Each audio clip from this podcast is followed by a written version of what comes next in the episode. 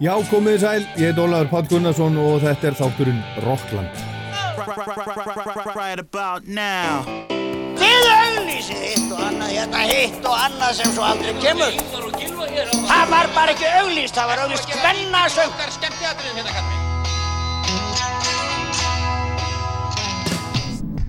Hvað gerir kvöld? Kíkja á tónleikana? Ekki? Það er ekki beint fyrir mig að vera innan einhverja brjála úlinga.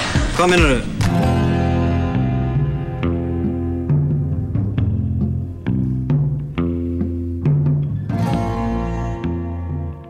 Aðal gerstu þáttarins að þessu sinni í setni hlutanum hérna á eftir er velska tónlistarkonan Kate Le Bon sem verður með tónleika í hljómahöllin í Reykjanesbæ 9. september næstkomandi. Ég náði hérna í síma í vikunni. En fyrir hlutan á Nick Cave sem spilaði og svaraði spurningu fólks úr sal í rúma þrjá tíma í gerðkvöldi í Eldborg í Hörn.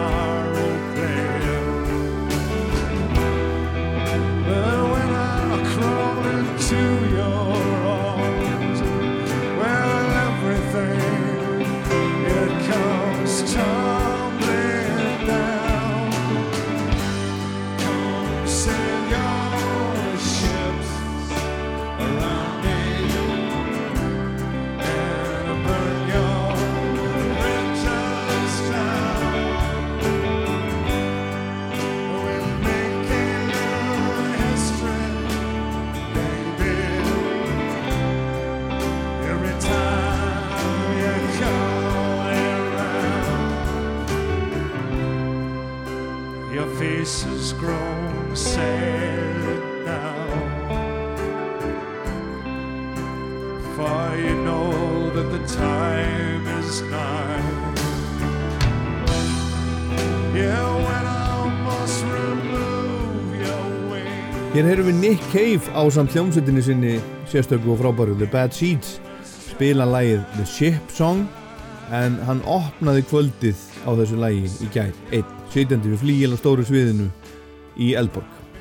Ég var einn af þeim hefnum sem fekk miða það voru margir sárir í gær og eru eflust ennþá í dag ef því ég hafa ekki náði í, í miða og það seldist upp á þessa þessa tónleika, þetta voru vissulega tónleikar spjall tónleikar seldist upp bara nokkrum mínútum þegar miðarsalan hófst núna í vor.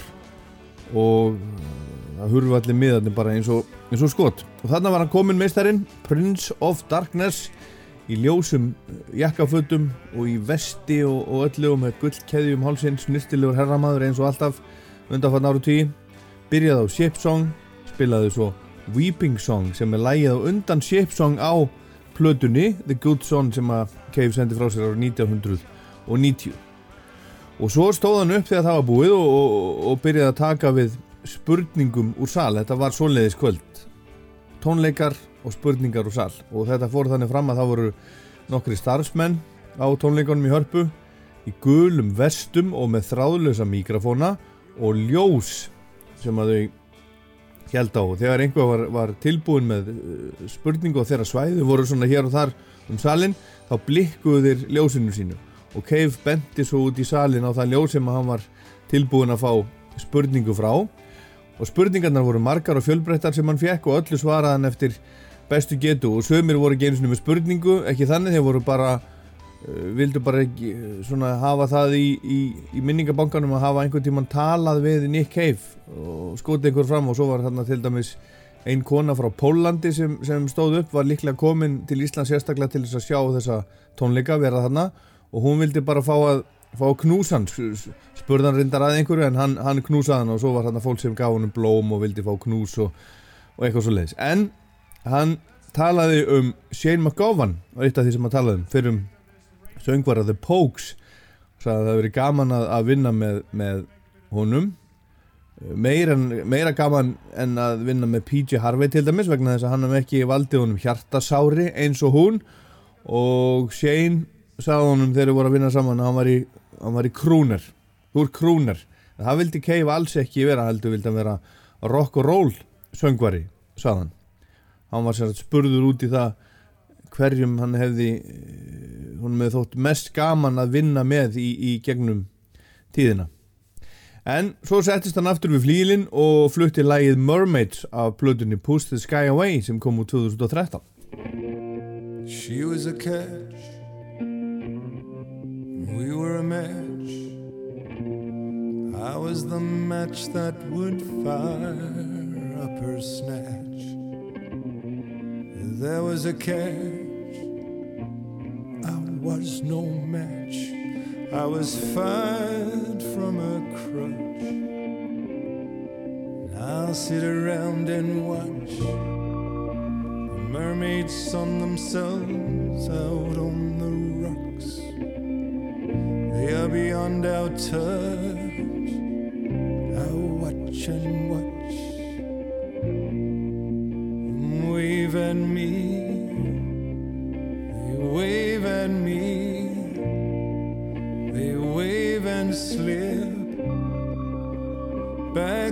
to the sea.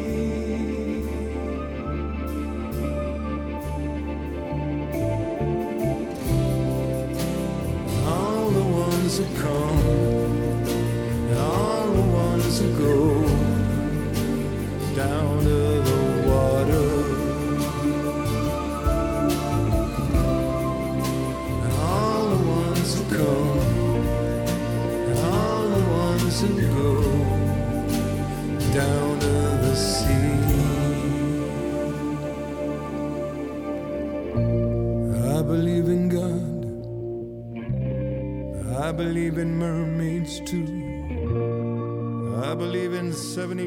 Þegar hann var búinn að spila þetta lag Mermaids stóð upp kona, þá komið að, að spurningum og stóð upp kona sem að spurða hann út í plötuna Murder Ballad sem vakti mikla aðtikli á sinu tíma þegar hún kom út 1996 Ég man ekki hvernig spurningi hljómaði en hún gekk út á það hvað hafi vakað fyrir honum þegar hann gaf þessa plötu út og, og hvort hann hafi verið heitlaður af, af morðum og, og öðrum hryllingi. Og hann svaraði eitthvað á þá leiða hann hafi verið heitlaður á þessu tíma af írskum og bandarískum þjóðlögum þetta kom allt þaðan, þjóðlögin séu full af svona hryllingi og morðum. Og hann segist líta á mörderballad fyrst og fremst sem svona gaman plötu grínplötu, hún sé full af gríni.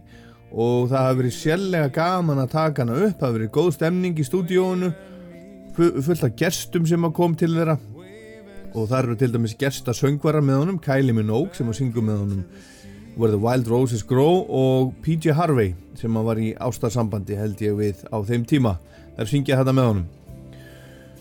Um miðbygg tónleikana fluttan uh, lagið Avalanche sem er opnun og lag fyrstu plötunar sem hann gaf út með Bad Seeds From Her to Eternity 1984 lag til Leonard Cohen sem hann var spurður um setna á tónleikonum og hann saðist hafa fallið flatur fyrir Cohen þegar hann var 14 ára gammal heima í Ástralíu þar sem hann hafa átt indislega æsku í alla staði í ástralskri hálgeri sveitasælu en kvöld eitt hafi vingunans ringt í hann og byggði hann um að koma og heimsækja sig.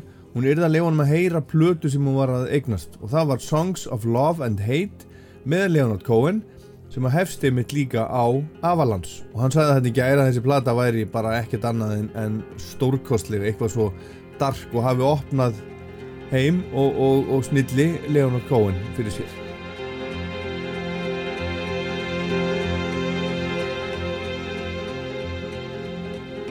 I stepped into an avalanche. It covered up my soul.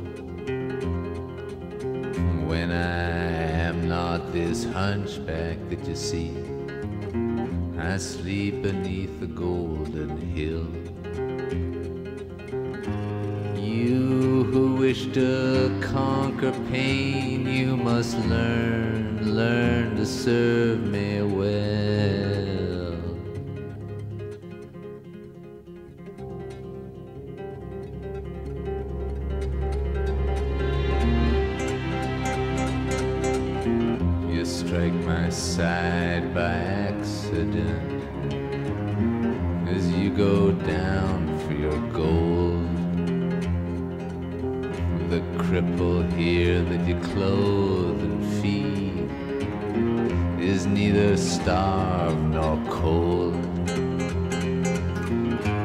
Does not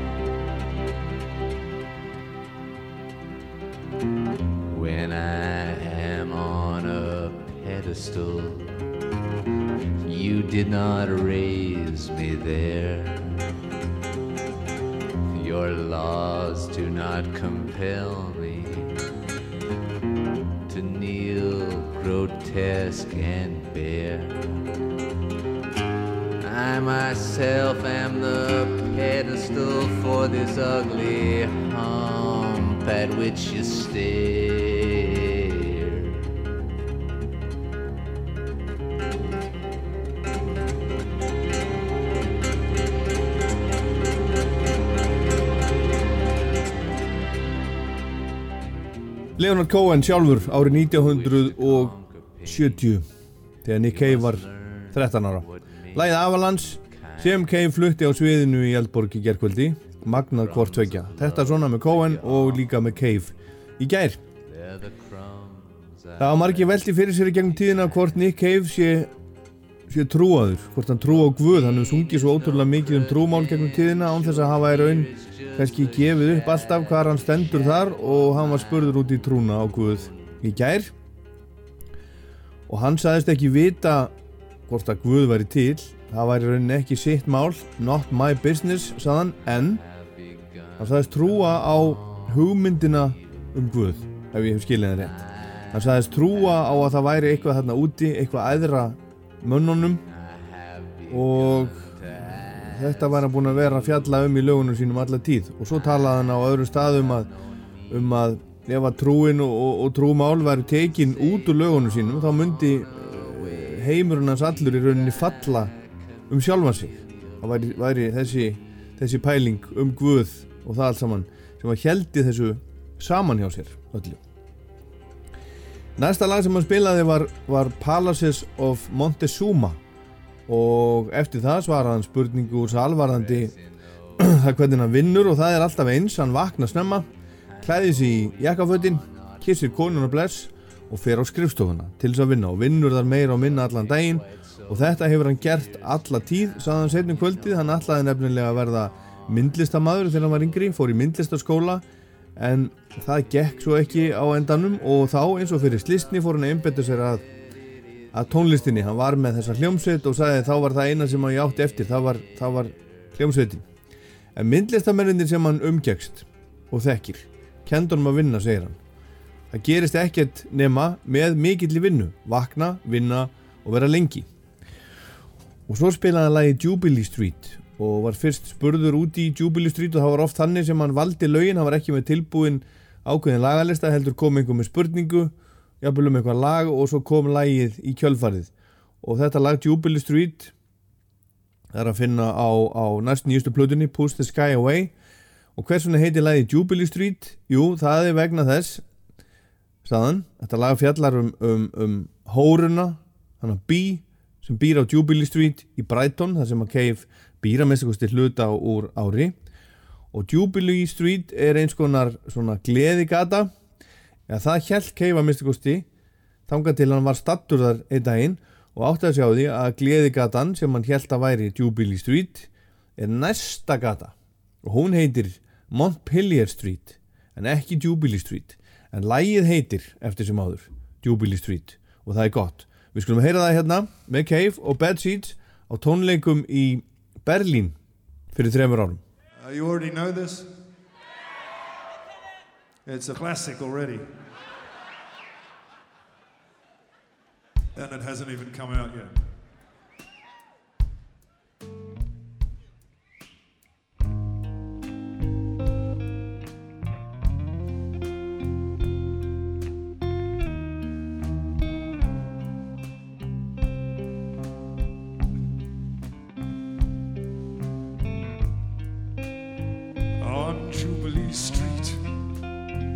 There was a girl named B. She had a history, oh, but she had no past. When they shot her down, the Russians moved in.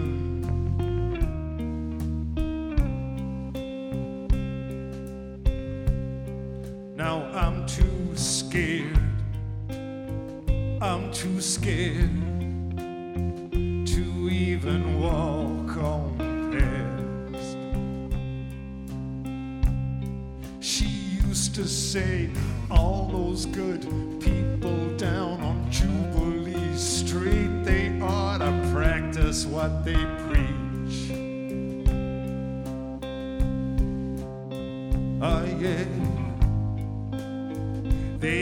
to practice just what they preach on Jubilee Street. But here I come up the hill. I'm pushing my wheel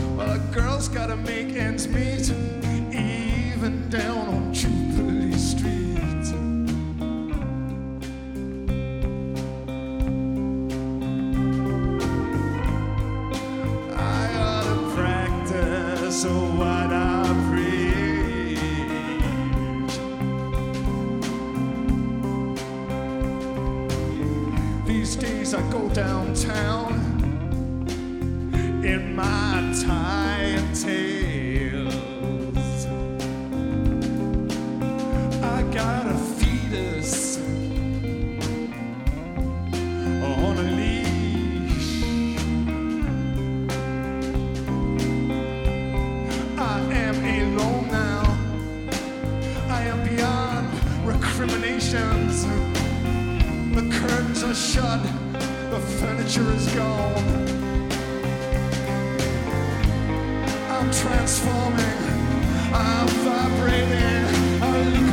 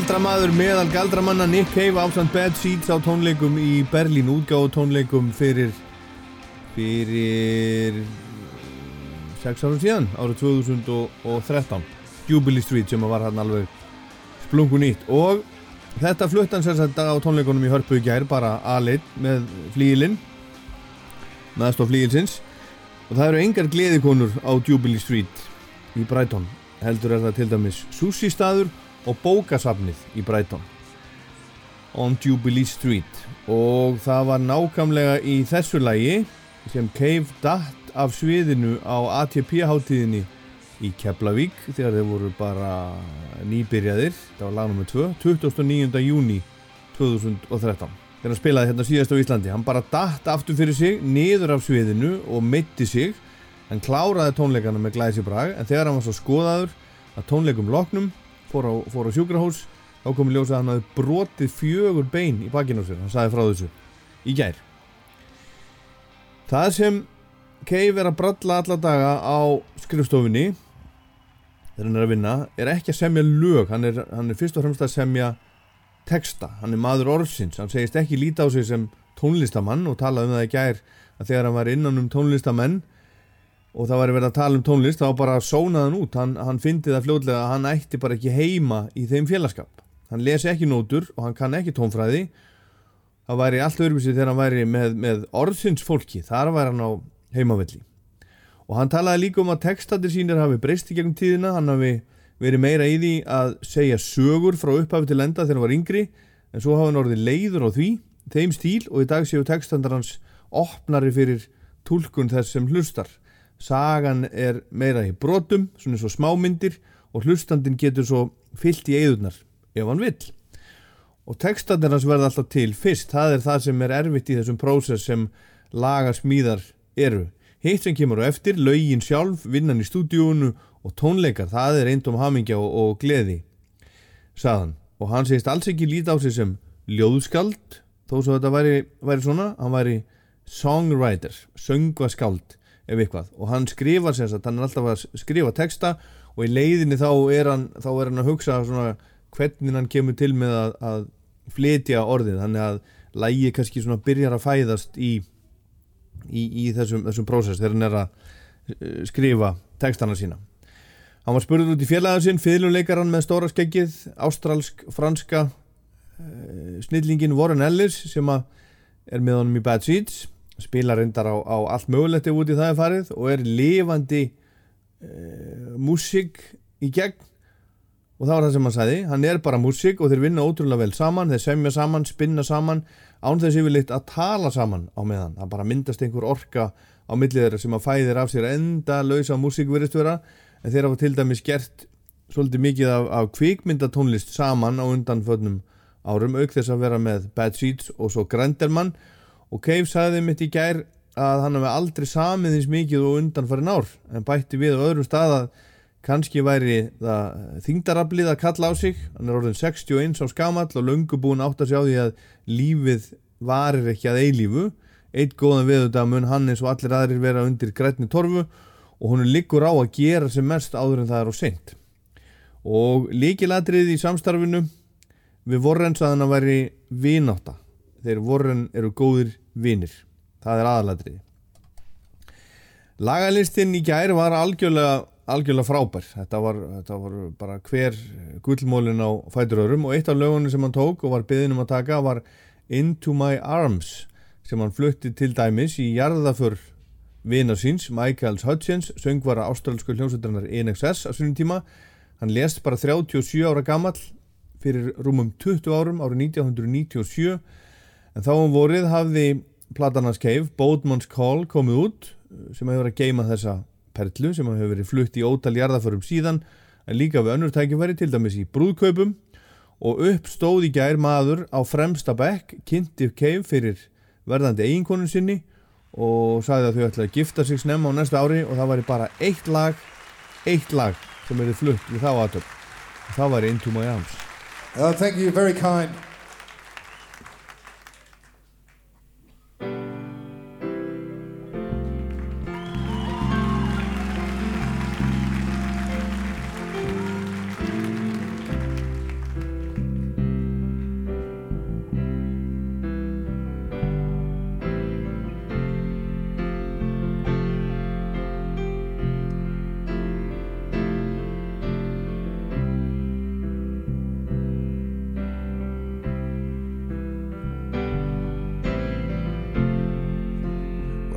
pardon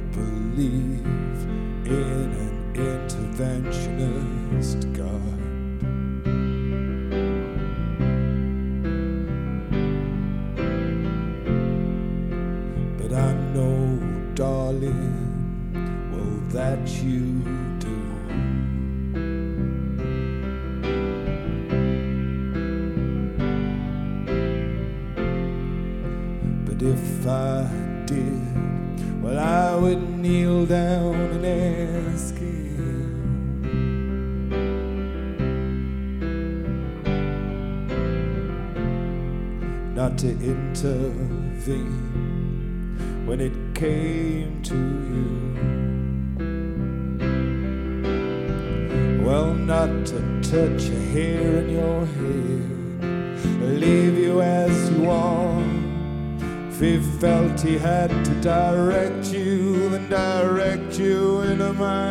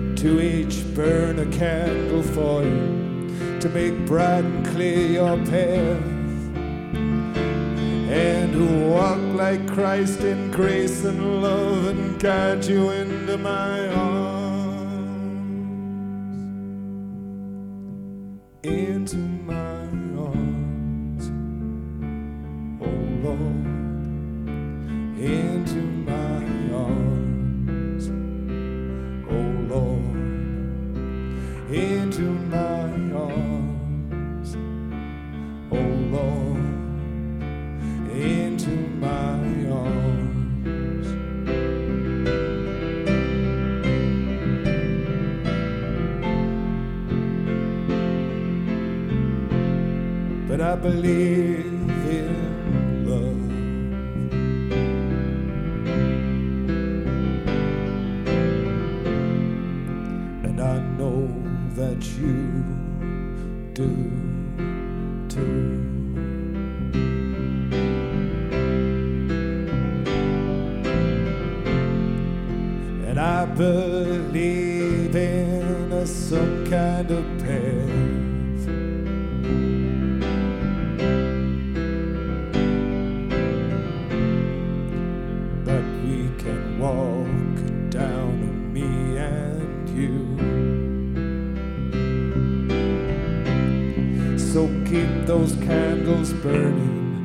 a journey bright and pure that you'll keep returning always and evermore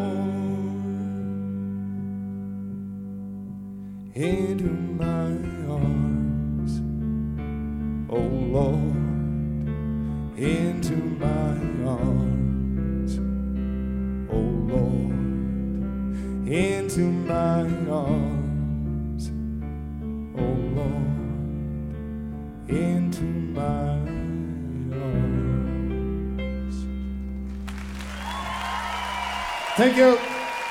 Nick Cave á Broadway fyrir 17 ára síðan upptaka Rásar 2 eitt af lögunum sem hann spilaði á flígilin í Eldborg í Hörpu í gær. Hann samti þetta lag í meðferð á sínu tíma ekki þó í meðferðinu sem læknaðan varanlega held ég. Hann sagði í gær að hann var búin að vera clean í 20 ár án vímuöfna í 20 ár. En árin 20 þar á undan hugsið ykkur, árin 20 þar á undan var hann heroinsjúklingur 20 ár er langur tími á heroinni en þannig var hans tilvera.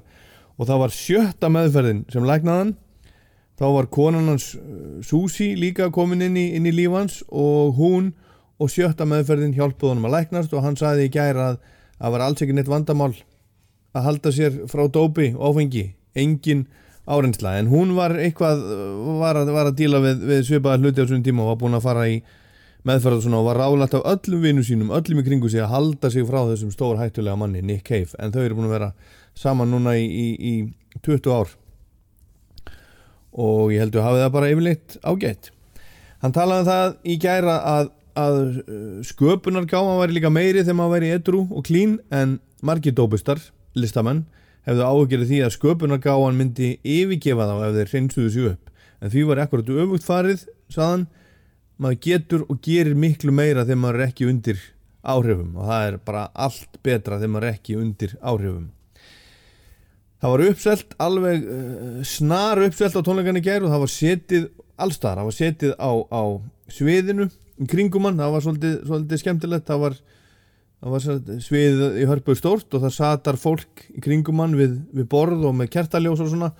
Og það var líka setið í sætunum fyrir aftansviðið allstar, alveg pakkað og hann einn í jakkafötunum sínum og með svarta Steinway flíl Hörpu sér til aðstofar og satt og spilaði og söng og stóð svo upp á milli laga eins og framöfu komið og tók við spurningum úr sall. Í sætum tónleika gesta, þegar þeir mættu á svæði, var postkort frá, frá Cave, mynd á honum framann á, en uh, með spurningu og svari aftan á og spurningin var svona, hvers vegna ertu að gera þetta? Það er að segja að vera með þessa, þessa tónleika. Og svarið er einhvern veginn svona, ég er að reyna áttam á því, Ég trúi því að það geti eitthvað gott komið út úr opnu og einlegu spjalli við áheyrendur mína. Mér langar að upplifa eitthvað alveg rátt og nakið og nöðsynlegt. Á þessum kvöldum getur allt gerst og ég er ekki með neitt öryggisnett og ég stjórnaði mjög takmarka sem gerist. Þetta er galopið ævintýri og ég vona að þetta færi mig á einhvern nátt nær áheyrendum mínum. þetta er verk í vinslu hann var búinn að vera næstum tvo og halvan tíma á sviðinu þegar hann, þegar hann eh, settist og spilaði það sem að ég held að væri lokalag tónleikana Stagger Lee, það var komið sér einhvern veginn í umræðuna hann myndi spila það, enda á því Stagger Lee. En hann settist og sagði ég get, ég get alveg spilað eitthvað smá meira áður en að því kemur, eða viljið. Og svo tók hann þrjú lög á undan Stagger Lee þar á meðal Oh Children og Are You The One That I've Been Waiting For? Og svo kom Stagger Lee hér spilar hann það á Broadway í Reykjavík árið 2002 upptakar á svo 2 It was back in 42 when times were hard. Had a Colt 45 and a deck of cards.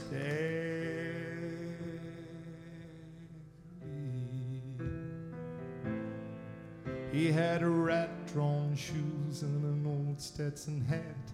Had a 28 Ford. Had payments on that.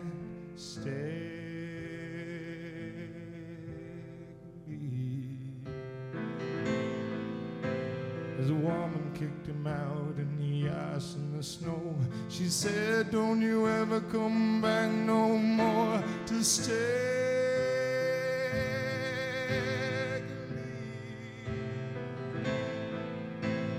Walked through the rain, walked through the mud till it came a place called the Bucket of Blood. Staggerly.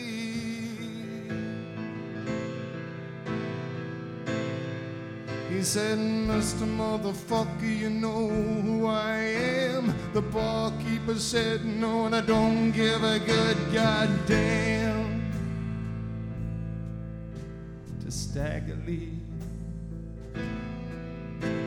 Said, Barkeep, it's a plain to see. I'm the bad motherfucker called Stagger Lee. I'm Mr. Stagger Lee. I'm Mr. Stagger Lee. Oh, well, the barkeep said, Yeah, I heard your name down the way. And I kick motherfucking asses like you every day, Mr. Staggerly. Well, those were the last words that the barkeep said. Cause Stag put four holes in his motherfucking head.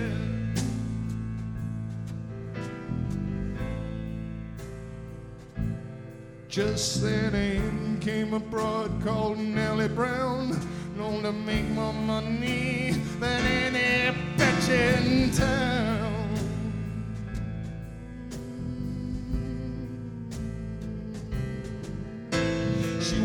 Across the bar, lifting up her skirt over the staggerly man. She's starting to flirt, she's starting to hurt for the great staggerly.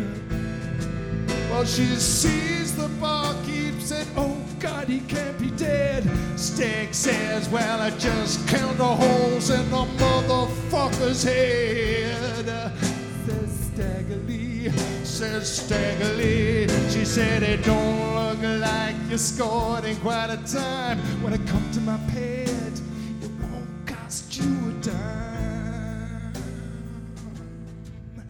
Mr. Staggerly, Mr. Staggerly. But there's a one thing you'll have to know before you begin. You'll have to be gone before my man Billy Dilly comes in. Mr. Staggerly, I'm gonna sit right here till time comes to pass. And furthermore, I'll fuck Billy Dilly in his motherfucking ass. Says Staggerly, says Staggerly, cause I'm a bad motherfucker, don't you know? And I'll crawl over 50 good pussies just to get to one of fat boy's asshole. Says Staggerly, just in a in came Billy Dilly, said you must be the bad motherfucker called Staggerly. I'm Mr. Staggerly. I'm a Mr. Staggerly. Yeah, I'm Staggerly, and you better get down on your knees and suck my dick. Cause if you don't, you're gonna be dead. Said Stagger Lee, said Stagger Lee. So Billy Dilly kneels down and slobbers on his head. It's Stag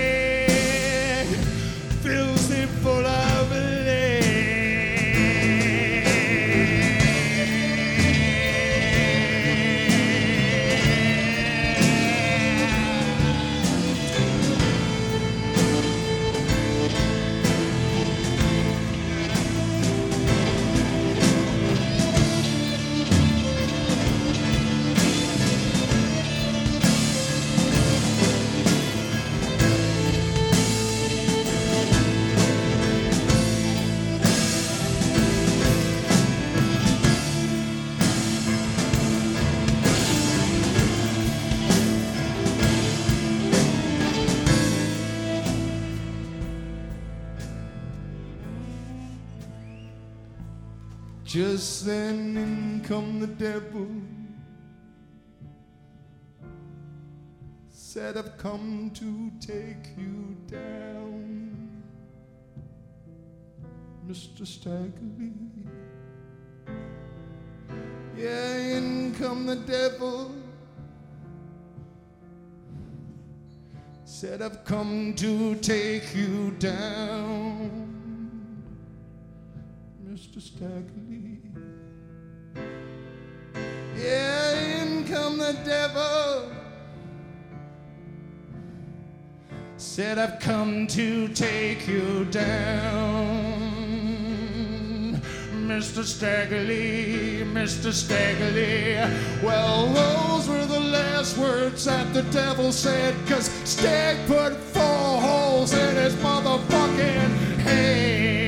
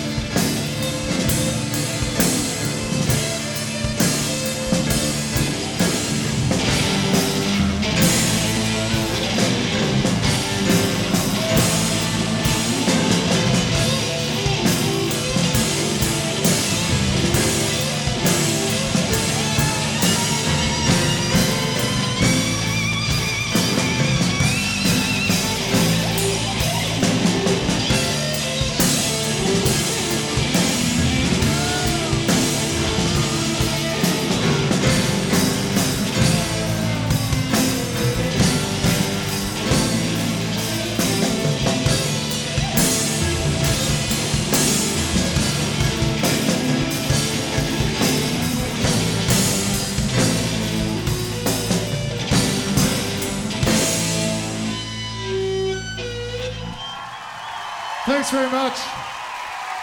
Good night. Á þeir eru ymsi gullmálarnir sem eru til í safni Rása 2 frá undanföllum árum og, og áratugum. Þetta er einn af þeim. Stagger Lee, Nick Cave á samt tveimur félögum sínum á sviðinu í Broadway, gamla hótel Íslandi í desember árið 2002. En þarna þegar hann spilaði þetta í gerð þá held ég að þetta væri búið.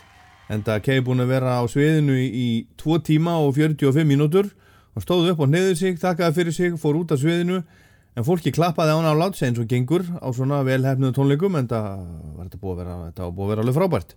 Hann kom inn aftur, þakkaði fyrir sig aftur og tók þrjú lög til viðbótar. Higgs Boson Blues, People Ain't No Good og endaði svo á Skeleton Tree, titilægi og loka lægi nýjustu plötunar sinnar en hún kom út eftir að sonur hans, annar sonur hans Arthur lést fyrir fjórum áru síðan hann fjall fram af, af kletti í, í Ávingdín ekki langt frá heimili sínu í Brighton, hann var með vinnu sínum, þeir voru tveir og þeir höfðu verið að, að, að prófa að taka síru, LSD það er nú bara þannig sem það er. Þeir voru 15 ára. Tóku síru og það endaði svona á að sonur hans hrapaði fram af kletti eða hendi sér fram af kletti eða hvernig sem hann var og dó. Og Cave talaði opinskátt um dauða sonar síns nokkur sinnum í gær, hann talaði um að sorgin væri samanleg eitthvað sem allir uppleifa einhver tíman á æfinni og öll degjum við og það allt saman og líkast til hafi hafi konan hans, hún Susi, komið ver út úr þessari hræðilegu lífsrennislu heldur en hann. Þegar móðir missir badd, segir hann, þá fylgir því, held ég yfirleitt ákveðin, skömm. Sónur minn dó á minni vakt og hann fór fleiri orðum um, um það, ég ætla ekki að fara, fara nánar út í það hérna. En platan Skeleton Tree var í smíðum þegar þetta, þetta gerðist, nýjasta plata Nick Cave og Bad Seeds og auðvitað var hún sett í salt. En nokkur mánuðum síðar þá ákvaðan að reyna bara halda áfram með, með lífsitt það væri eina leiðin eða, eða það sem hann ætla að reyna að gera.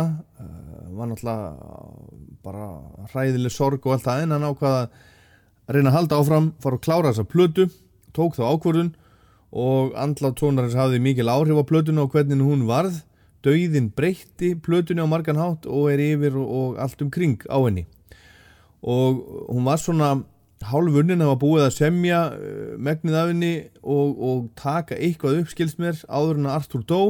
En lokalagi, titilagi, það var að mista kosti klárað eftir að hann dó uh, Skeleton Tree. Textin hann var, sagt, var til þarna eftir að, eftir að hann dó og mér langar að enda þessa umfjöldunum um þessa frábæru kvöldstund með frábærum listamanni á þessu lagi hérna sem heitir Skeleton Tree þetta var alveg frábært Sunday morning, skeleton tree. Oh, nothing is for free. In the window, a candle. Well, maybe you can see. falling leaves thrown across the sky, a jittery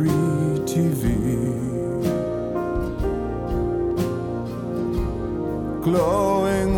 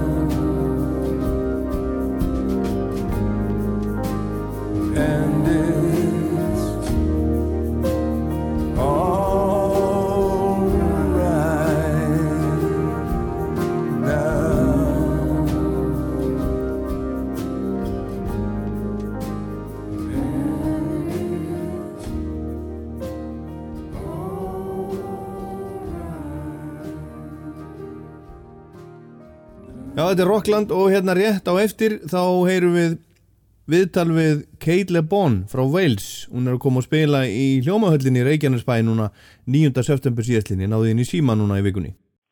This is uh, Nick Cave, and you're listening to Rouse Tour Rockland. Hingað til Íslands og til Keflavíkur í hljómahöllina er að koma velsk tónlistakonna sem heitir Kate Le Bon. Ég veit að einhverju hlustendur Rocklands þekkjana, sumur jábel vel, en ég veit líka að það þekkjana alls ekkert allir. En bætum úr því, hún er á línunni í Rocklandi í dag.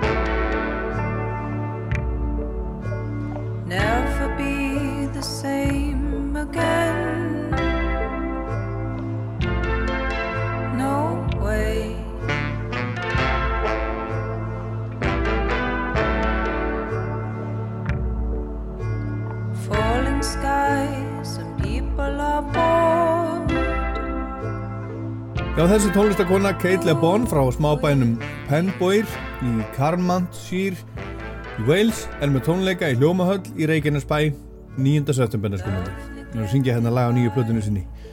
Það sem heitir Miami. Hún er að fylgja þessari plötu eftir, þetta er fymta platan hennar, heitir Reward, kom út í mæ og ég sló á þráðun til hennar, Kate, um daginn. Hello. Hello, is this Kate? Yes, it is. Hello. Hello Kate, this is the Icelandic Radio. My name is Oli. Hello. How's it going? everything is going fine here and, and, and with you? Yeah, good. Thank you. Yes. Yeah. Are you are you ready for our short interview? I am. Yeah. Yeah. Okay. So, uh, how are you and, and, and where are you? Uh, I am in London. I just came back from a holiday in Sardinia, which was lovely. You came from a holiday in Sardinia. Yeah, but now it's back to work. You know. Yeah, yeah, yeah, yeah. yeah. How how was Sardinia? beautiful. So beautiful, and so many wild pigs everywhere. Yes. And why Yeah. why did you go to Sardinia and not to some some other place? Uh, it's, I just love it. I went there four years ago and it was absolutely gorgeous. So I just um, I just go back there with a friend of mine. It's where we, we like to go together. Uh huh. Yeah. So when you're not touring, you are traveling. Yeah. Well, it's the first uh, proper holiday I've had in a long time. Uh huh. A little different, yeah.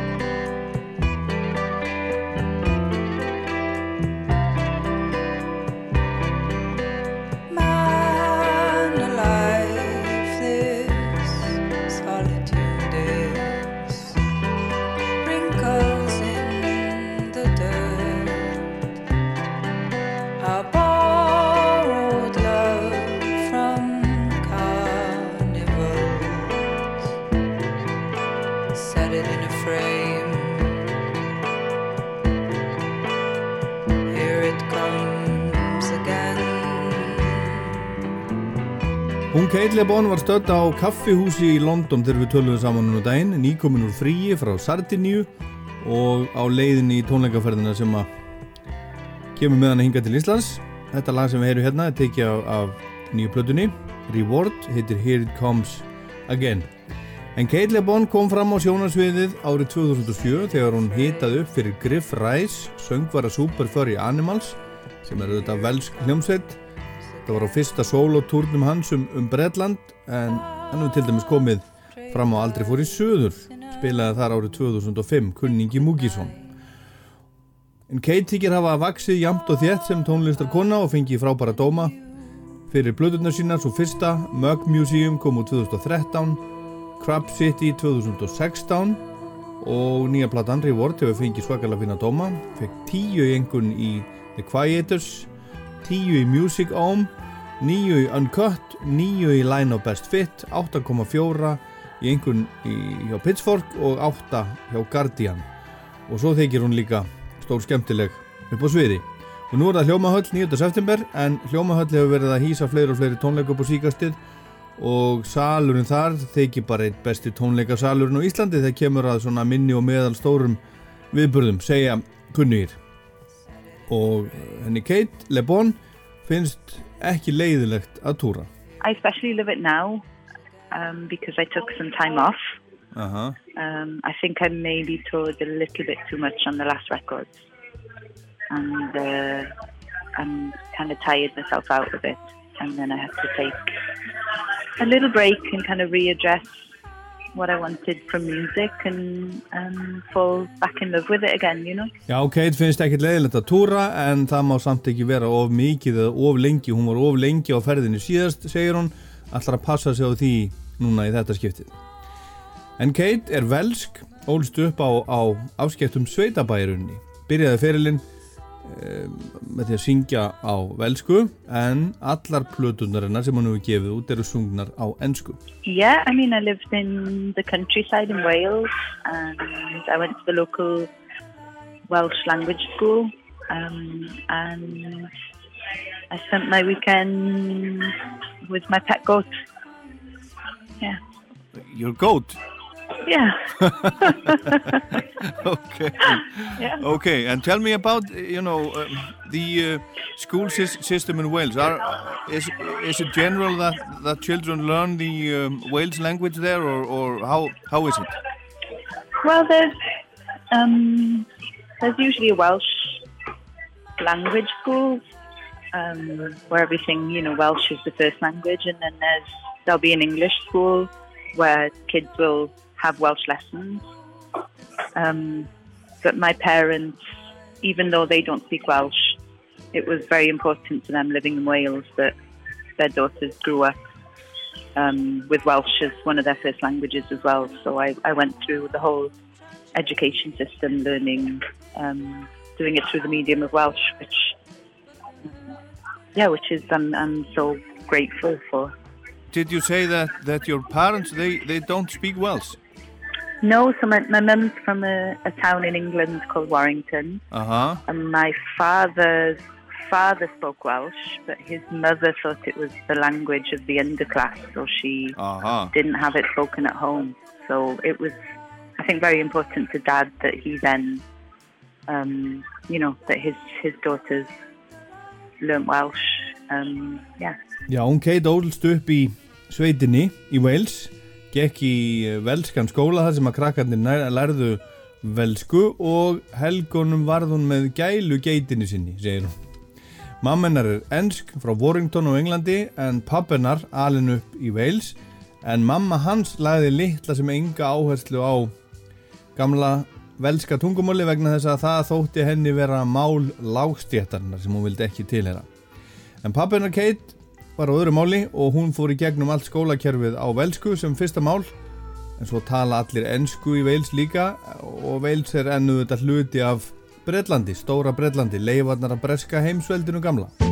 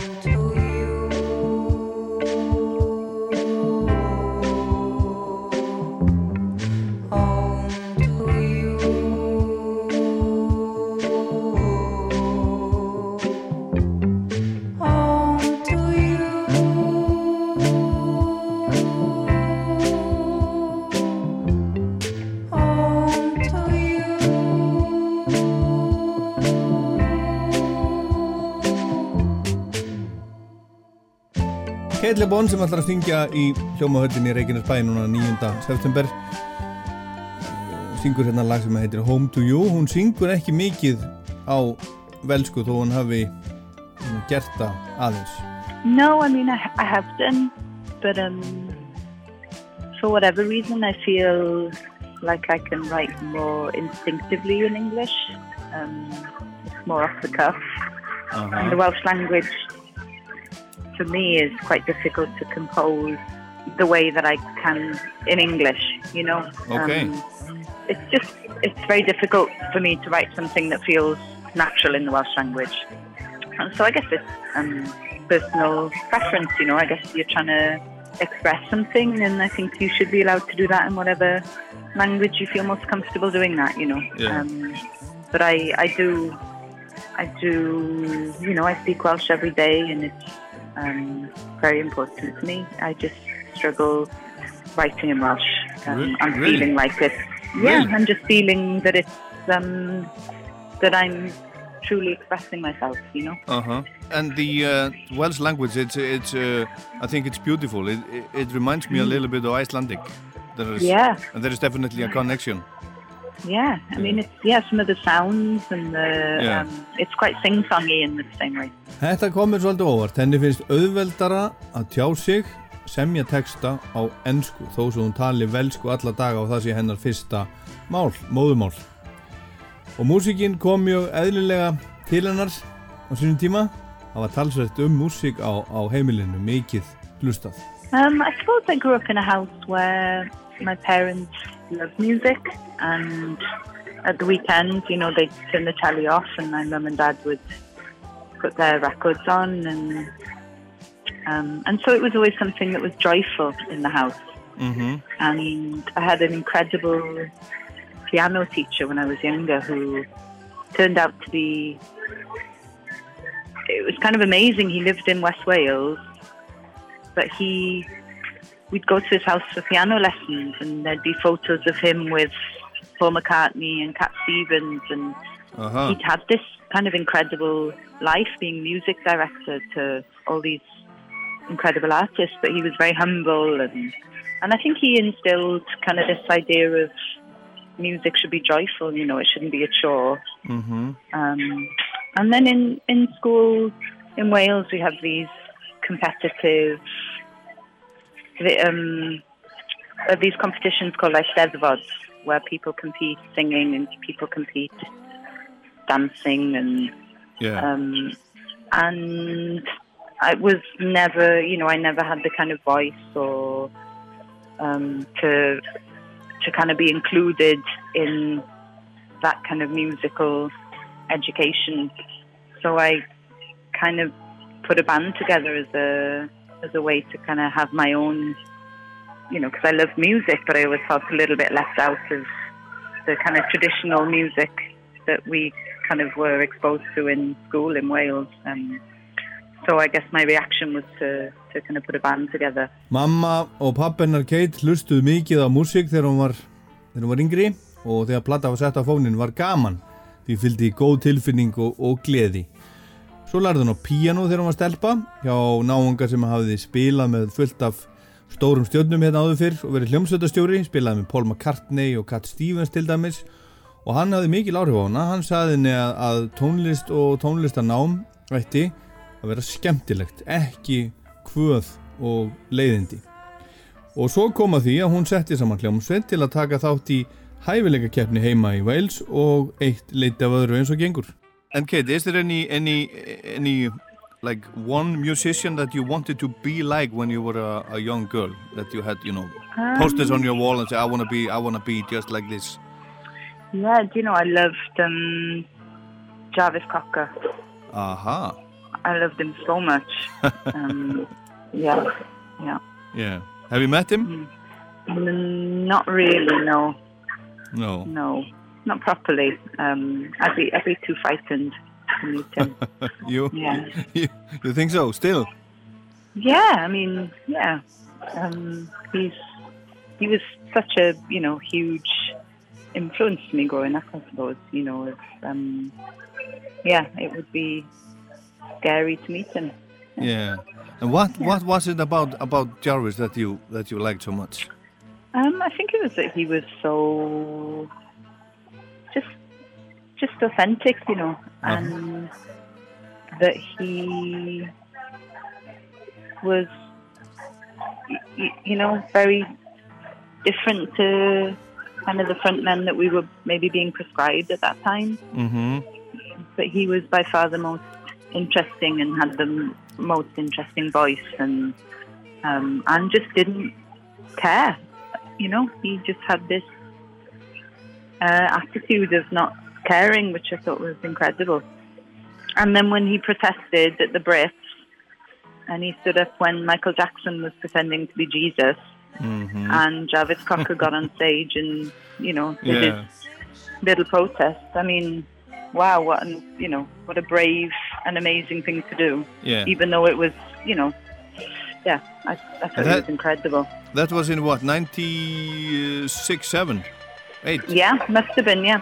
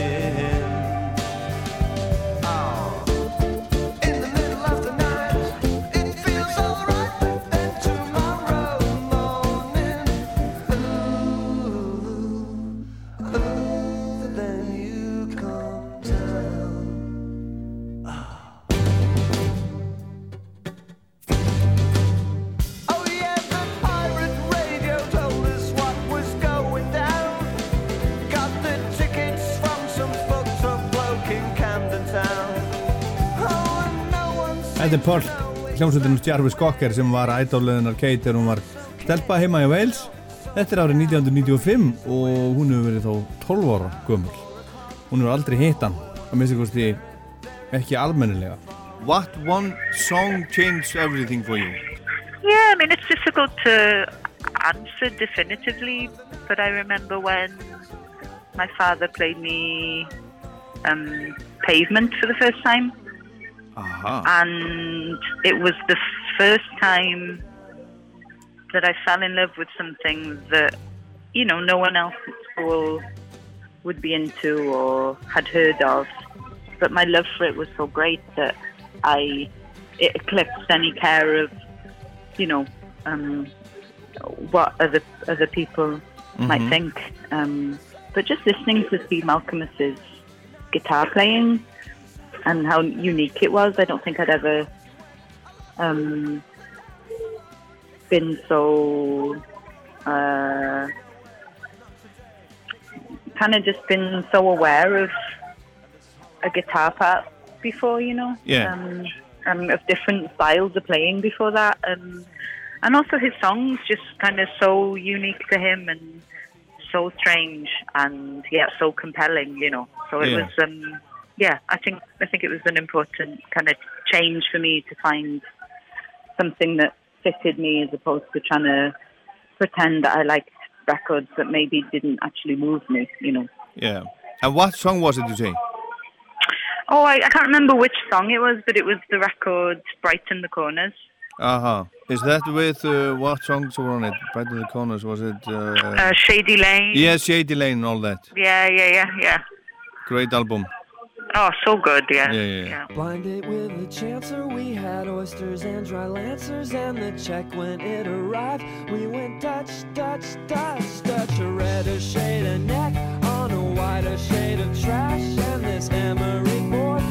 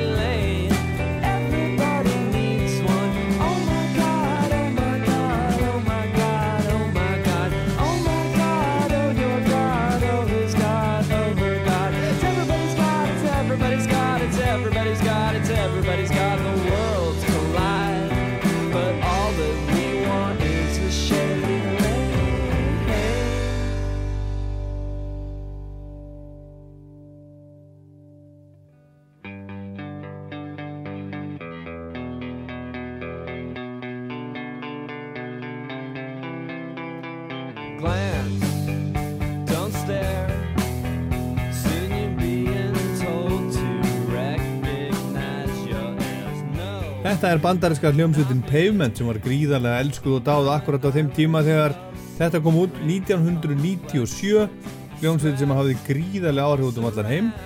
Þessi hljómsveit breytti blur til dæmis segir sagan.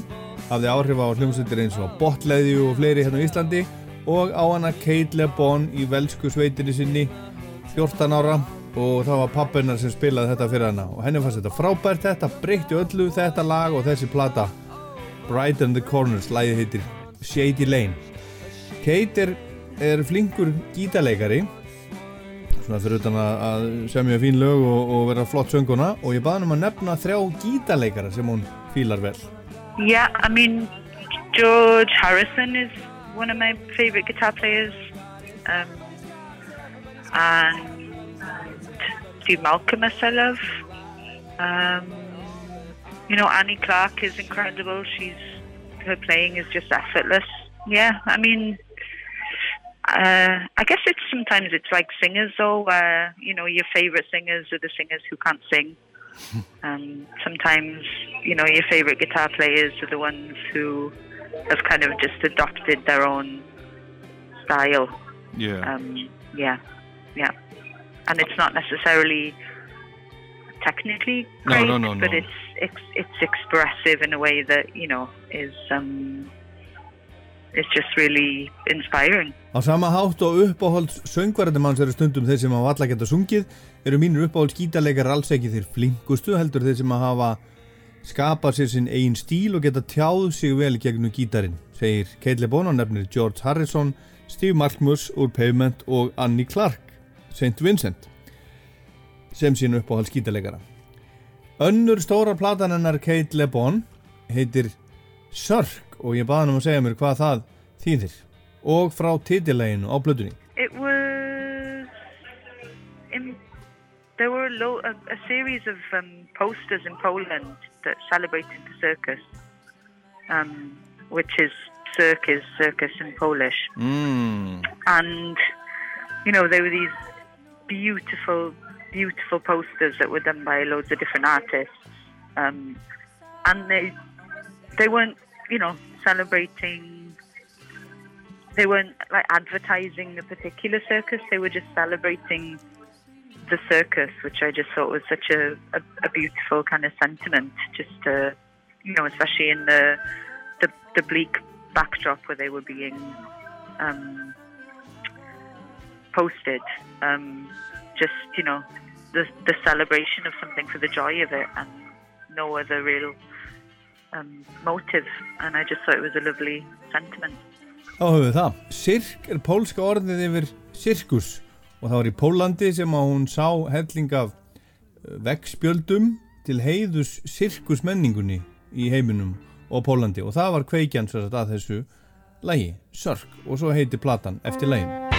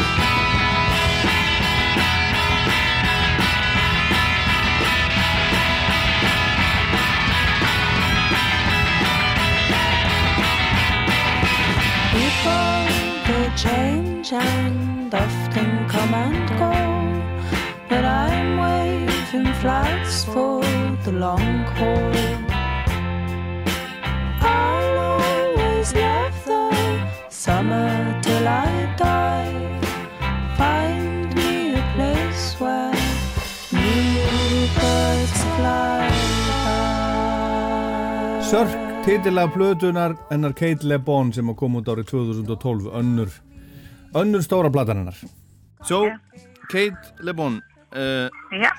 Tell me about Le Bon is it, is, it, is it linked to Simon Le Bon? Uh, no, no, um, not at all. I, uh, yeah, it, it was, uh, it was a, a joke that went too far. yeah, tell me a little bit about it I mean, not much more to tell, but you know, it's nice to. I think when you, you know, you play your first show as a solo artist and you've authorized yourself to do that, which is a, a strange thing to do, especially if you're a little bit shy, maybe. Mhm. Then giving yourself a name, adopt, you know, adopting a name that isn't your birth name is um, helps give you a little bit of uh, immunity, you know, from yeah. So you were not thinking of Duran Duran when you, when you took that name? I was not no, no, no. Ég spurði Kate þegar ég ringdi hann um daginn hvort að nafnið hennar Le Bon væri á einhvern nátt tengt Simon Le Bon, söngvara Duran Duran eða Duran Duran en það er ekki þannig heldur að þetta bara brandari sem vatt upp á sig segir hún, hún heitir í raun Kate Timothy en byrjaði að kalla sig Kate Le Bon þegar hún fór að uh, byrjaði að koma fram opinbelega What is, what is, uh, is Wales like uh, biggest artist band? Is it, is it Manic Street Preachers or, or is it Tom Jones? I don't know. Um, I don't know how to measure something like that. For me, growing up, I was listening to the Super Free Animals and. Gorky's Psychotic Monkey. Mhm. Um, you know, and they were hugely important, I think, in that they, you know, they existed while Britpop existed, and yet they were something completely alternative to that, and they flied their own flags, you know, had a complete disregard to genre and to a- a scene, um, and it was just hugely influential. And I guess through discovering those bands when I was, you know, maybe 13, 14, um, I kind of discovered this wealth of Welsh language music. Um, and one of my all time favourite bands, uh, a Welsh band called uh, Datblygu, who I just think, you know, one of one of the most inspiring bands I've I think I've ever heard. Um, so yeah, I mean it's maybe on paper the Manics, but um, and I you know I love the Manics, I love Holy Bible, and I think they're I think they're incredible. But I think for me it was uh, Super Free Animals and the Gookies that um, that that really um, moved me, you know. Ég spurði Kate líka út í stærstu stjörnur Wales í tónlistinni sem í mínum huga gæti verið Manic Street Preachers eða Tom Jones hann er jú frá Wales og Stereophonics til dæmis en hún myndist á Super Furry Animals og Gorky's Psychotic Minky hún hefur hlusta mikið á, á þau bönd þegar hún var yngri en hugsanlega sé Manic Street Preachers stærsta velska bandið. And, and you appear as a guest on, on the uh, Manic's album Re Rewind the Film. It's a, it's a great it's a great great album. How, how did that happen?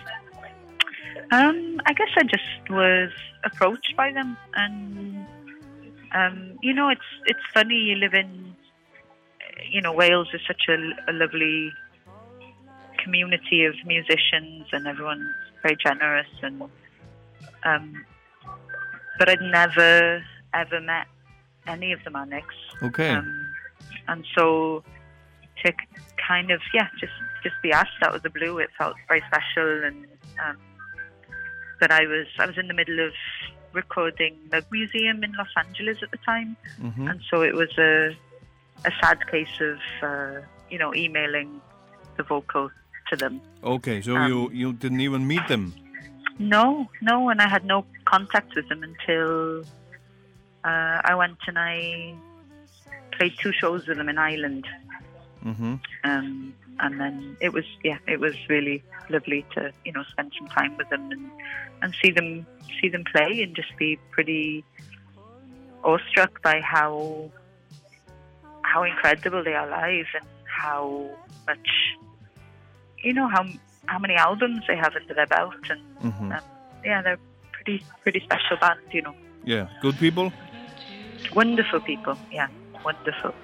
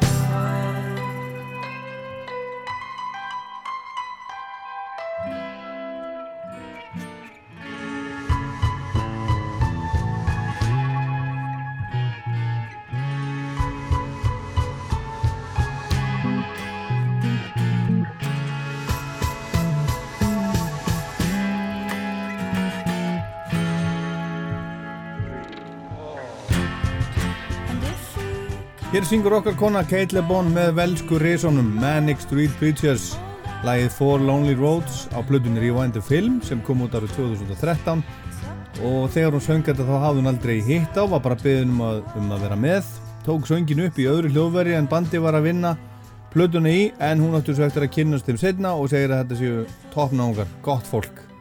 Það er nú gott And, and Kate, you you moved to, to, to LA in, in, in 2013 and uh, and and you uh, you are not there anymore. No, I um I left to go to furniture school in the Lake District. Yeah, tell me, Um, tell me about that. Why did you do that? Uh, it's just something I've wanted to do for a long time, but I also needed a break from music.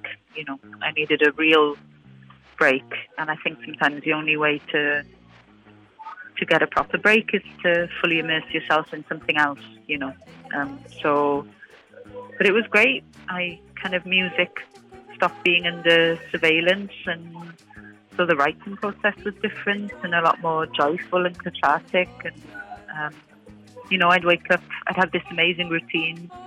I'd wake up at eight, I'd listen to Bowie, I'd drink loads of coffee, Mm-hmm. um, I'd have a bath, and then I'd go to walk to school. I'd spend, you know, uh, eight hours at school. I'd come home, I'd run, I'd, you know, um, listen to records, I'd do my homework, and then I'd go and play piano. And it was just a really um, simple existence, you know, where I think when you do something like that and you kind of remove yourself from the life Yeah. that you've been leading for a long time, the whole economy of your life changes in a really wonderful way, you know. Mm-hmm. So so you were learning to to build furniture. Yeah, yeah. And what have you have you built? And are you good? Uh, I'm okay, you know. Yeah. Uh, yeah, it's it's an it's, an incredible school in the in the Lake District, um, and they focus on master craftsmanship. So it's all, you know, solid wood and joinery, and you know, no nails. It's very, um, very old school, very patient kind of process. Um, so I built, I ended up building chairs and table and sideboard, and you know, I Mhm. built myself some record shelves. Mm-hmm. But yeah, just such a, a, a wonderful process building a piece of furniture, you know, from going to the wood shop and choosing a piece of wood and then just, you know, kind of having this quite intimate relationship with your material until you kind of, yeah, finish finish the piece. Some, yeah, it's very meditative and very grounding, which is, you know, the opposite of touring and making music, I suppose. Mm Kate flutti til Los Angeles árið 2013 til þess að einbytta sér að músikinni reyna fyrir sér þar en svo fekk hún nóga því og flutti til Englands til Lake District á norðvestur Englandi fyrir líklega tveimur árum eftir að hún gaf út síðustu plötu, Crab Day kvildi sig á músikinni og lærði húsgagnasmíði upp á, upp á gamla mátan án þess að skrúa eða negla og þar fannst henni gott að vera hugsa sinn gang, lifi í rútínu, fara í skólan, fara út að hlaupa, hlusta á músík, æfa sig á píanóið, lífi var einfalt og henni fannst það gott. Og hún hefur smíðað eitt og annað, borð og stól og svona og, og henni fannst þetta kærkomin tilbreyting frá tónlistarlífinu, að gera bara eitthvað allt annað. En nú er hún komin og fullt aftur í tónlistina. Og við heyrum næst lag af plötununnar Mug Museum sem að komið mitt út 2013 heitir Are You With Me Now? Uh, yeah, I mean that was written after my grandmother passed away, and I, I suppose it kind of explores the, I guess, what happens to what happens to people, you know, when they when they pass away, and what is, um, yeah, as they kind of they just melt into the um, maternal, you know, into the lineage of women, I suppose. Um, yeah, but it's, I guess it's a, it's a song about trying to deal with grief, maybe, you know.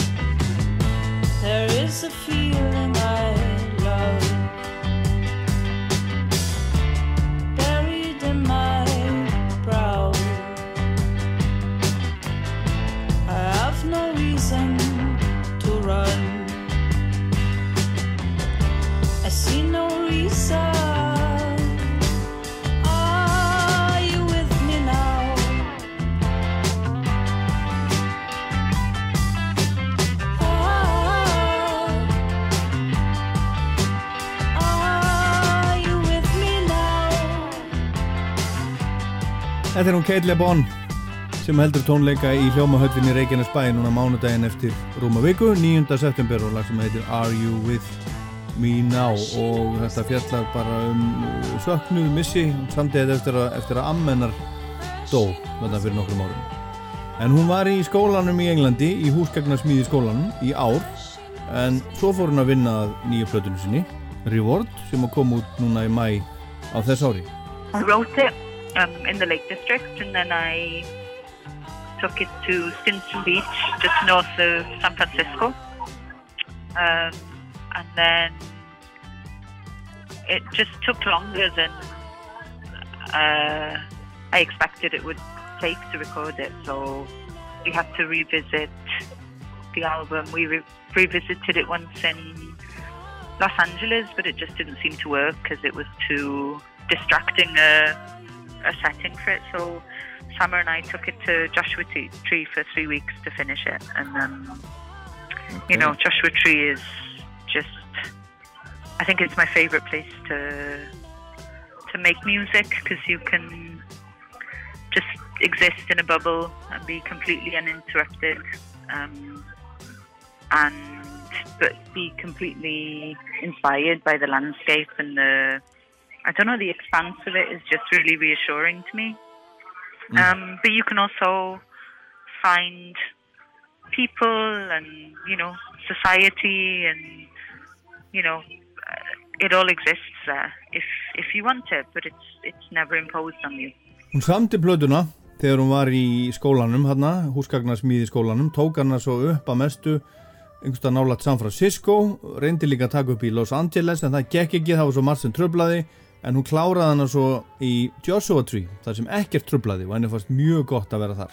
I think you should work on your next one here in Iceland. Yeah, I'd love to. Yeah. I'd love to have some um, friends who live in Iceland who um, yeah, I'd, I'd I'd love to work with. Yeah. Yeah. Do you have uh, have uh, friends here in Iceland? Yeah, with the musician John Grant. Yes, of Um, course. And he's a, a very good friend of mine um, and a, a very wonderful, wonderful man. Yeah, um, he is. Yeah, yeah. Has a wonderful beard. He does have a wonderful beard, yeah. yeah. Kate er meira en til í að vinna á Íslandi, vinna, vinna plödu, gera plödu á Íslandi og fá til dæmis vinsinn hann John Grant með sér í lið. Og Kate var í London á kaffihúsi þegar við spjöllum saman í símanu daginn en hún býr ekki í London, hún á í rauninni hvergi heima. I don't really live anywhere, but I'm trying to, I'm trying to live in, back in Cardiff, in How- Wales. How does it how does it feel to be like a rolling stone?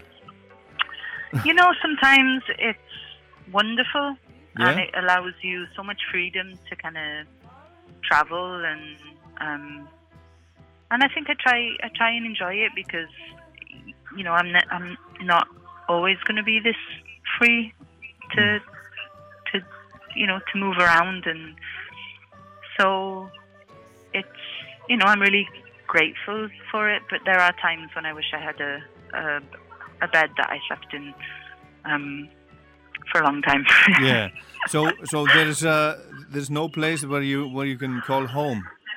I mean, I I have some wonderful friends who you know open up their houses to me, and and it feels like home. Uh-huh. Um, and my you know my my family home in West Wales is uh, is still there, and all my family are there, so that you know that feels like home too. But to have have a place of your own is um is it's a different feel, you know, and Yeah. um, something I crave now and again. But I'm working on it.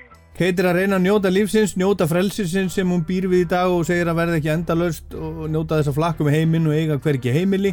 En hún segir samt líta á æsku stöðvarnar í Wales sem heimili sitt og þanga fer hún oft til þess að vera með fjölskyldinu sinni, svona eins og gengur. Og auðvitað saknar hún stundum að ekki fast heimili en hún á marga góða vini og heimsækir þá eins ofta hún getur og er svona hér og þar bara. Og hingað til Íslands kemur hún með hljómsveit, sex manna hljómsveit full band, so it's um, there will there's uh, six of us on stage Ok, wow because I'm I'm very much enjoying mostly just singing Mhm. the songs, you know. Um, so I don't play much guitar anymore Why not? because I, f- I I feel like it's nice to make yourself uncomfortable and to remove the guitar, which was kind of a somewhat of a you know buffer between me and, and the audience, uh, is kind of scary. And I Yeah. think it's it's good to be scared, and it's good to reimagine what performing is, and um, yeah. So it's um, I'm I'm doing just a lot of of singing, and then I, I do still play guitar, but, Yeah. um, but just not not every song, you know. Mm-hmm. Is Yeah. Josh is Josh in the band? He's not. No, he's in a big band called you know that. Yeah, the Red Hot Uh, Chili yeah. Peppers. He is. Yes, so it's it's quite difficult to get him Yeah, to tour with me, you know. yeah, but he ha has done quite a bit of that, isn't it?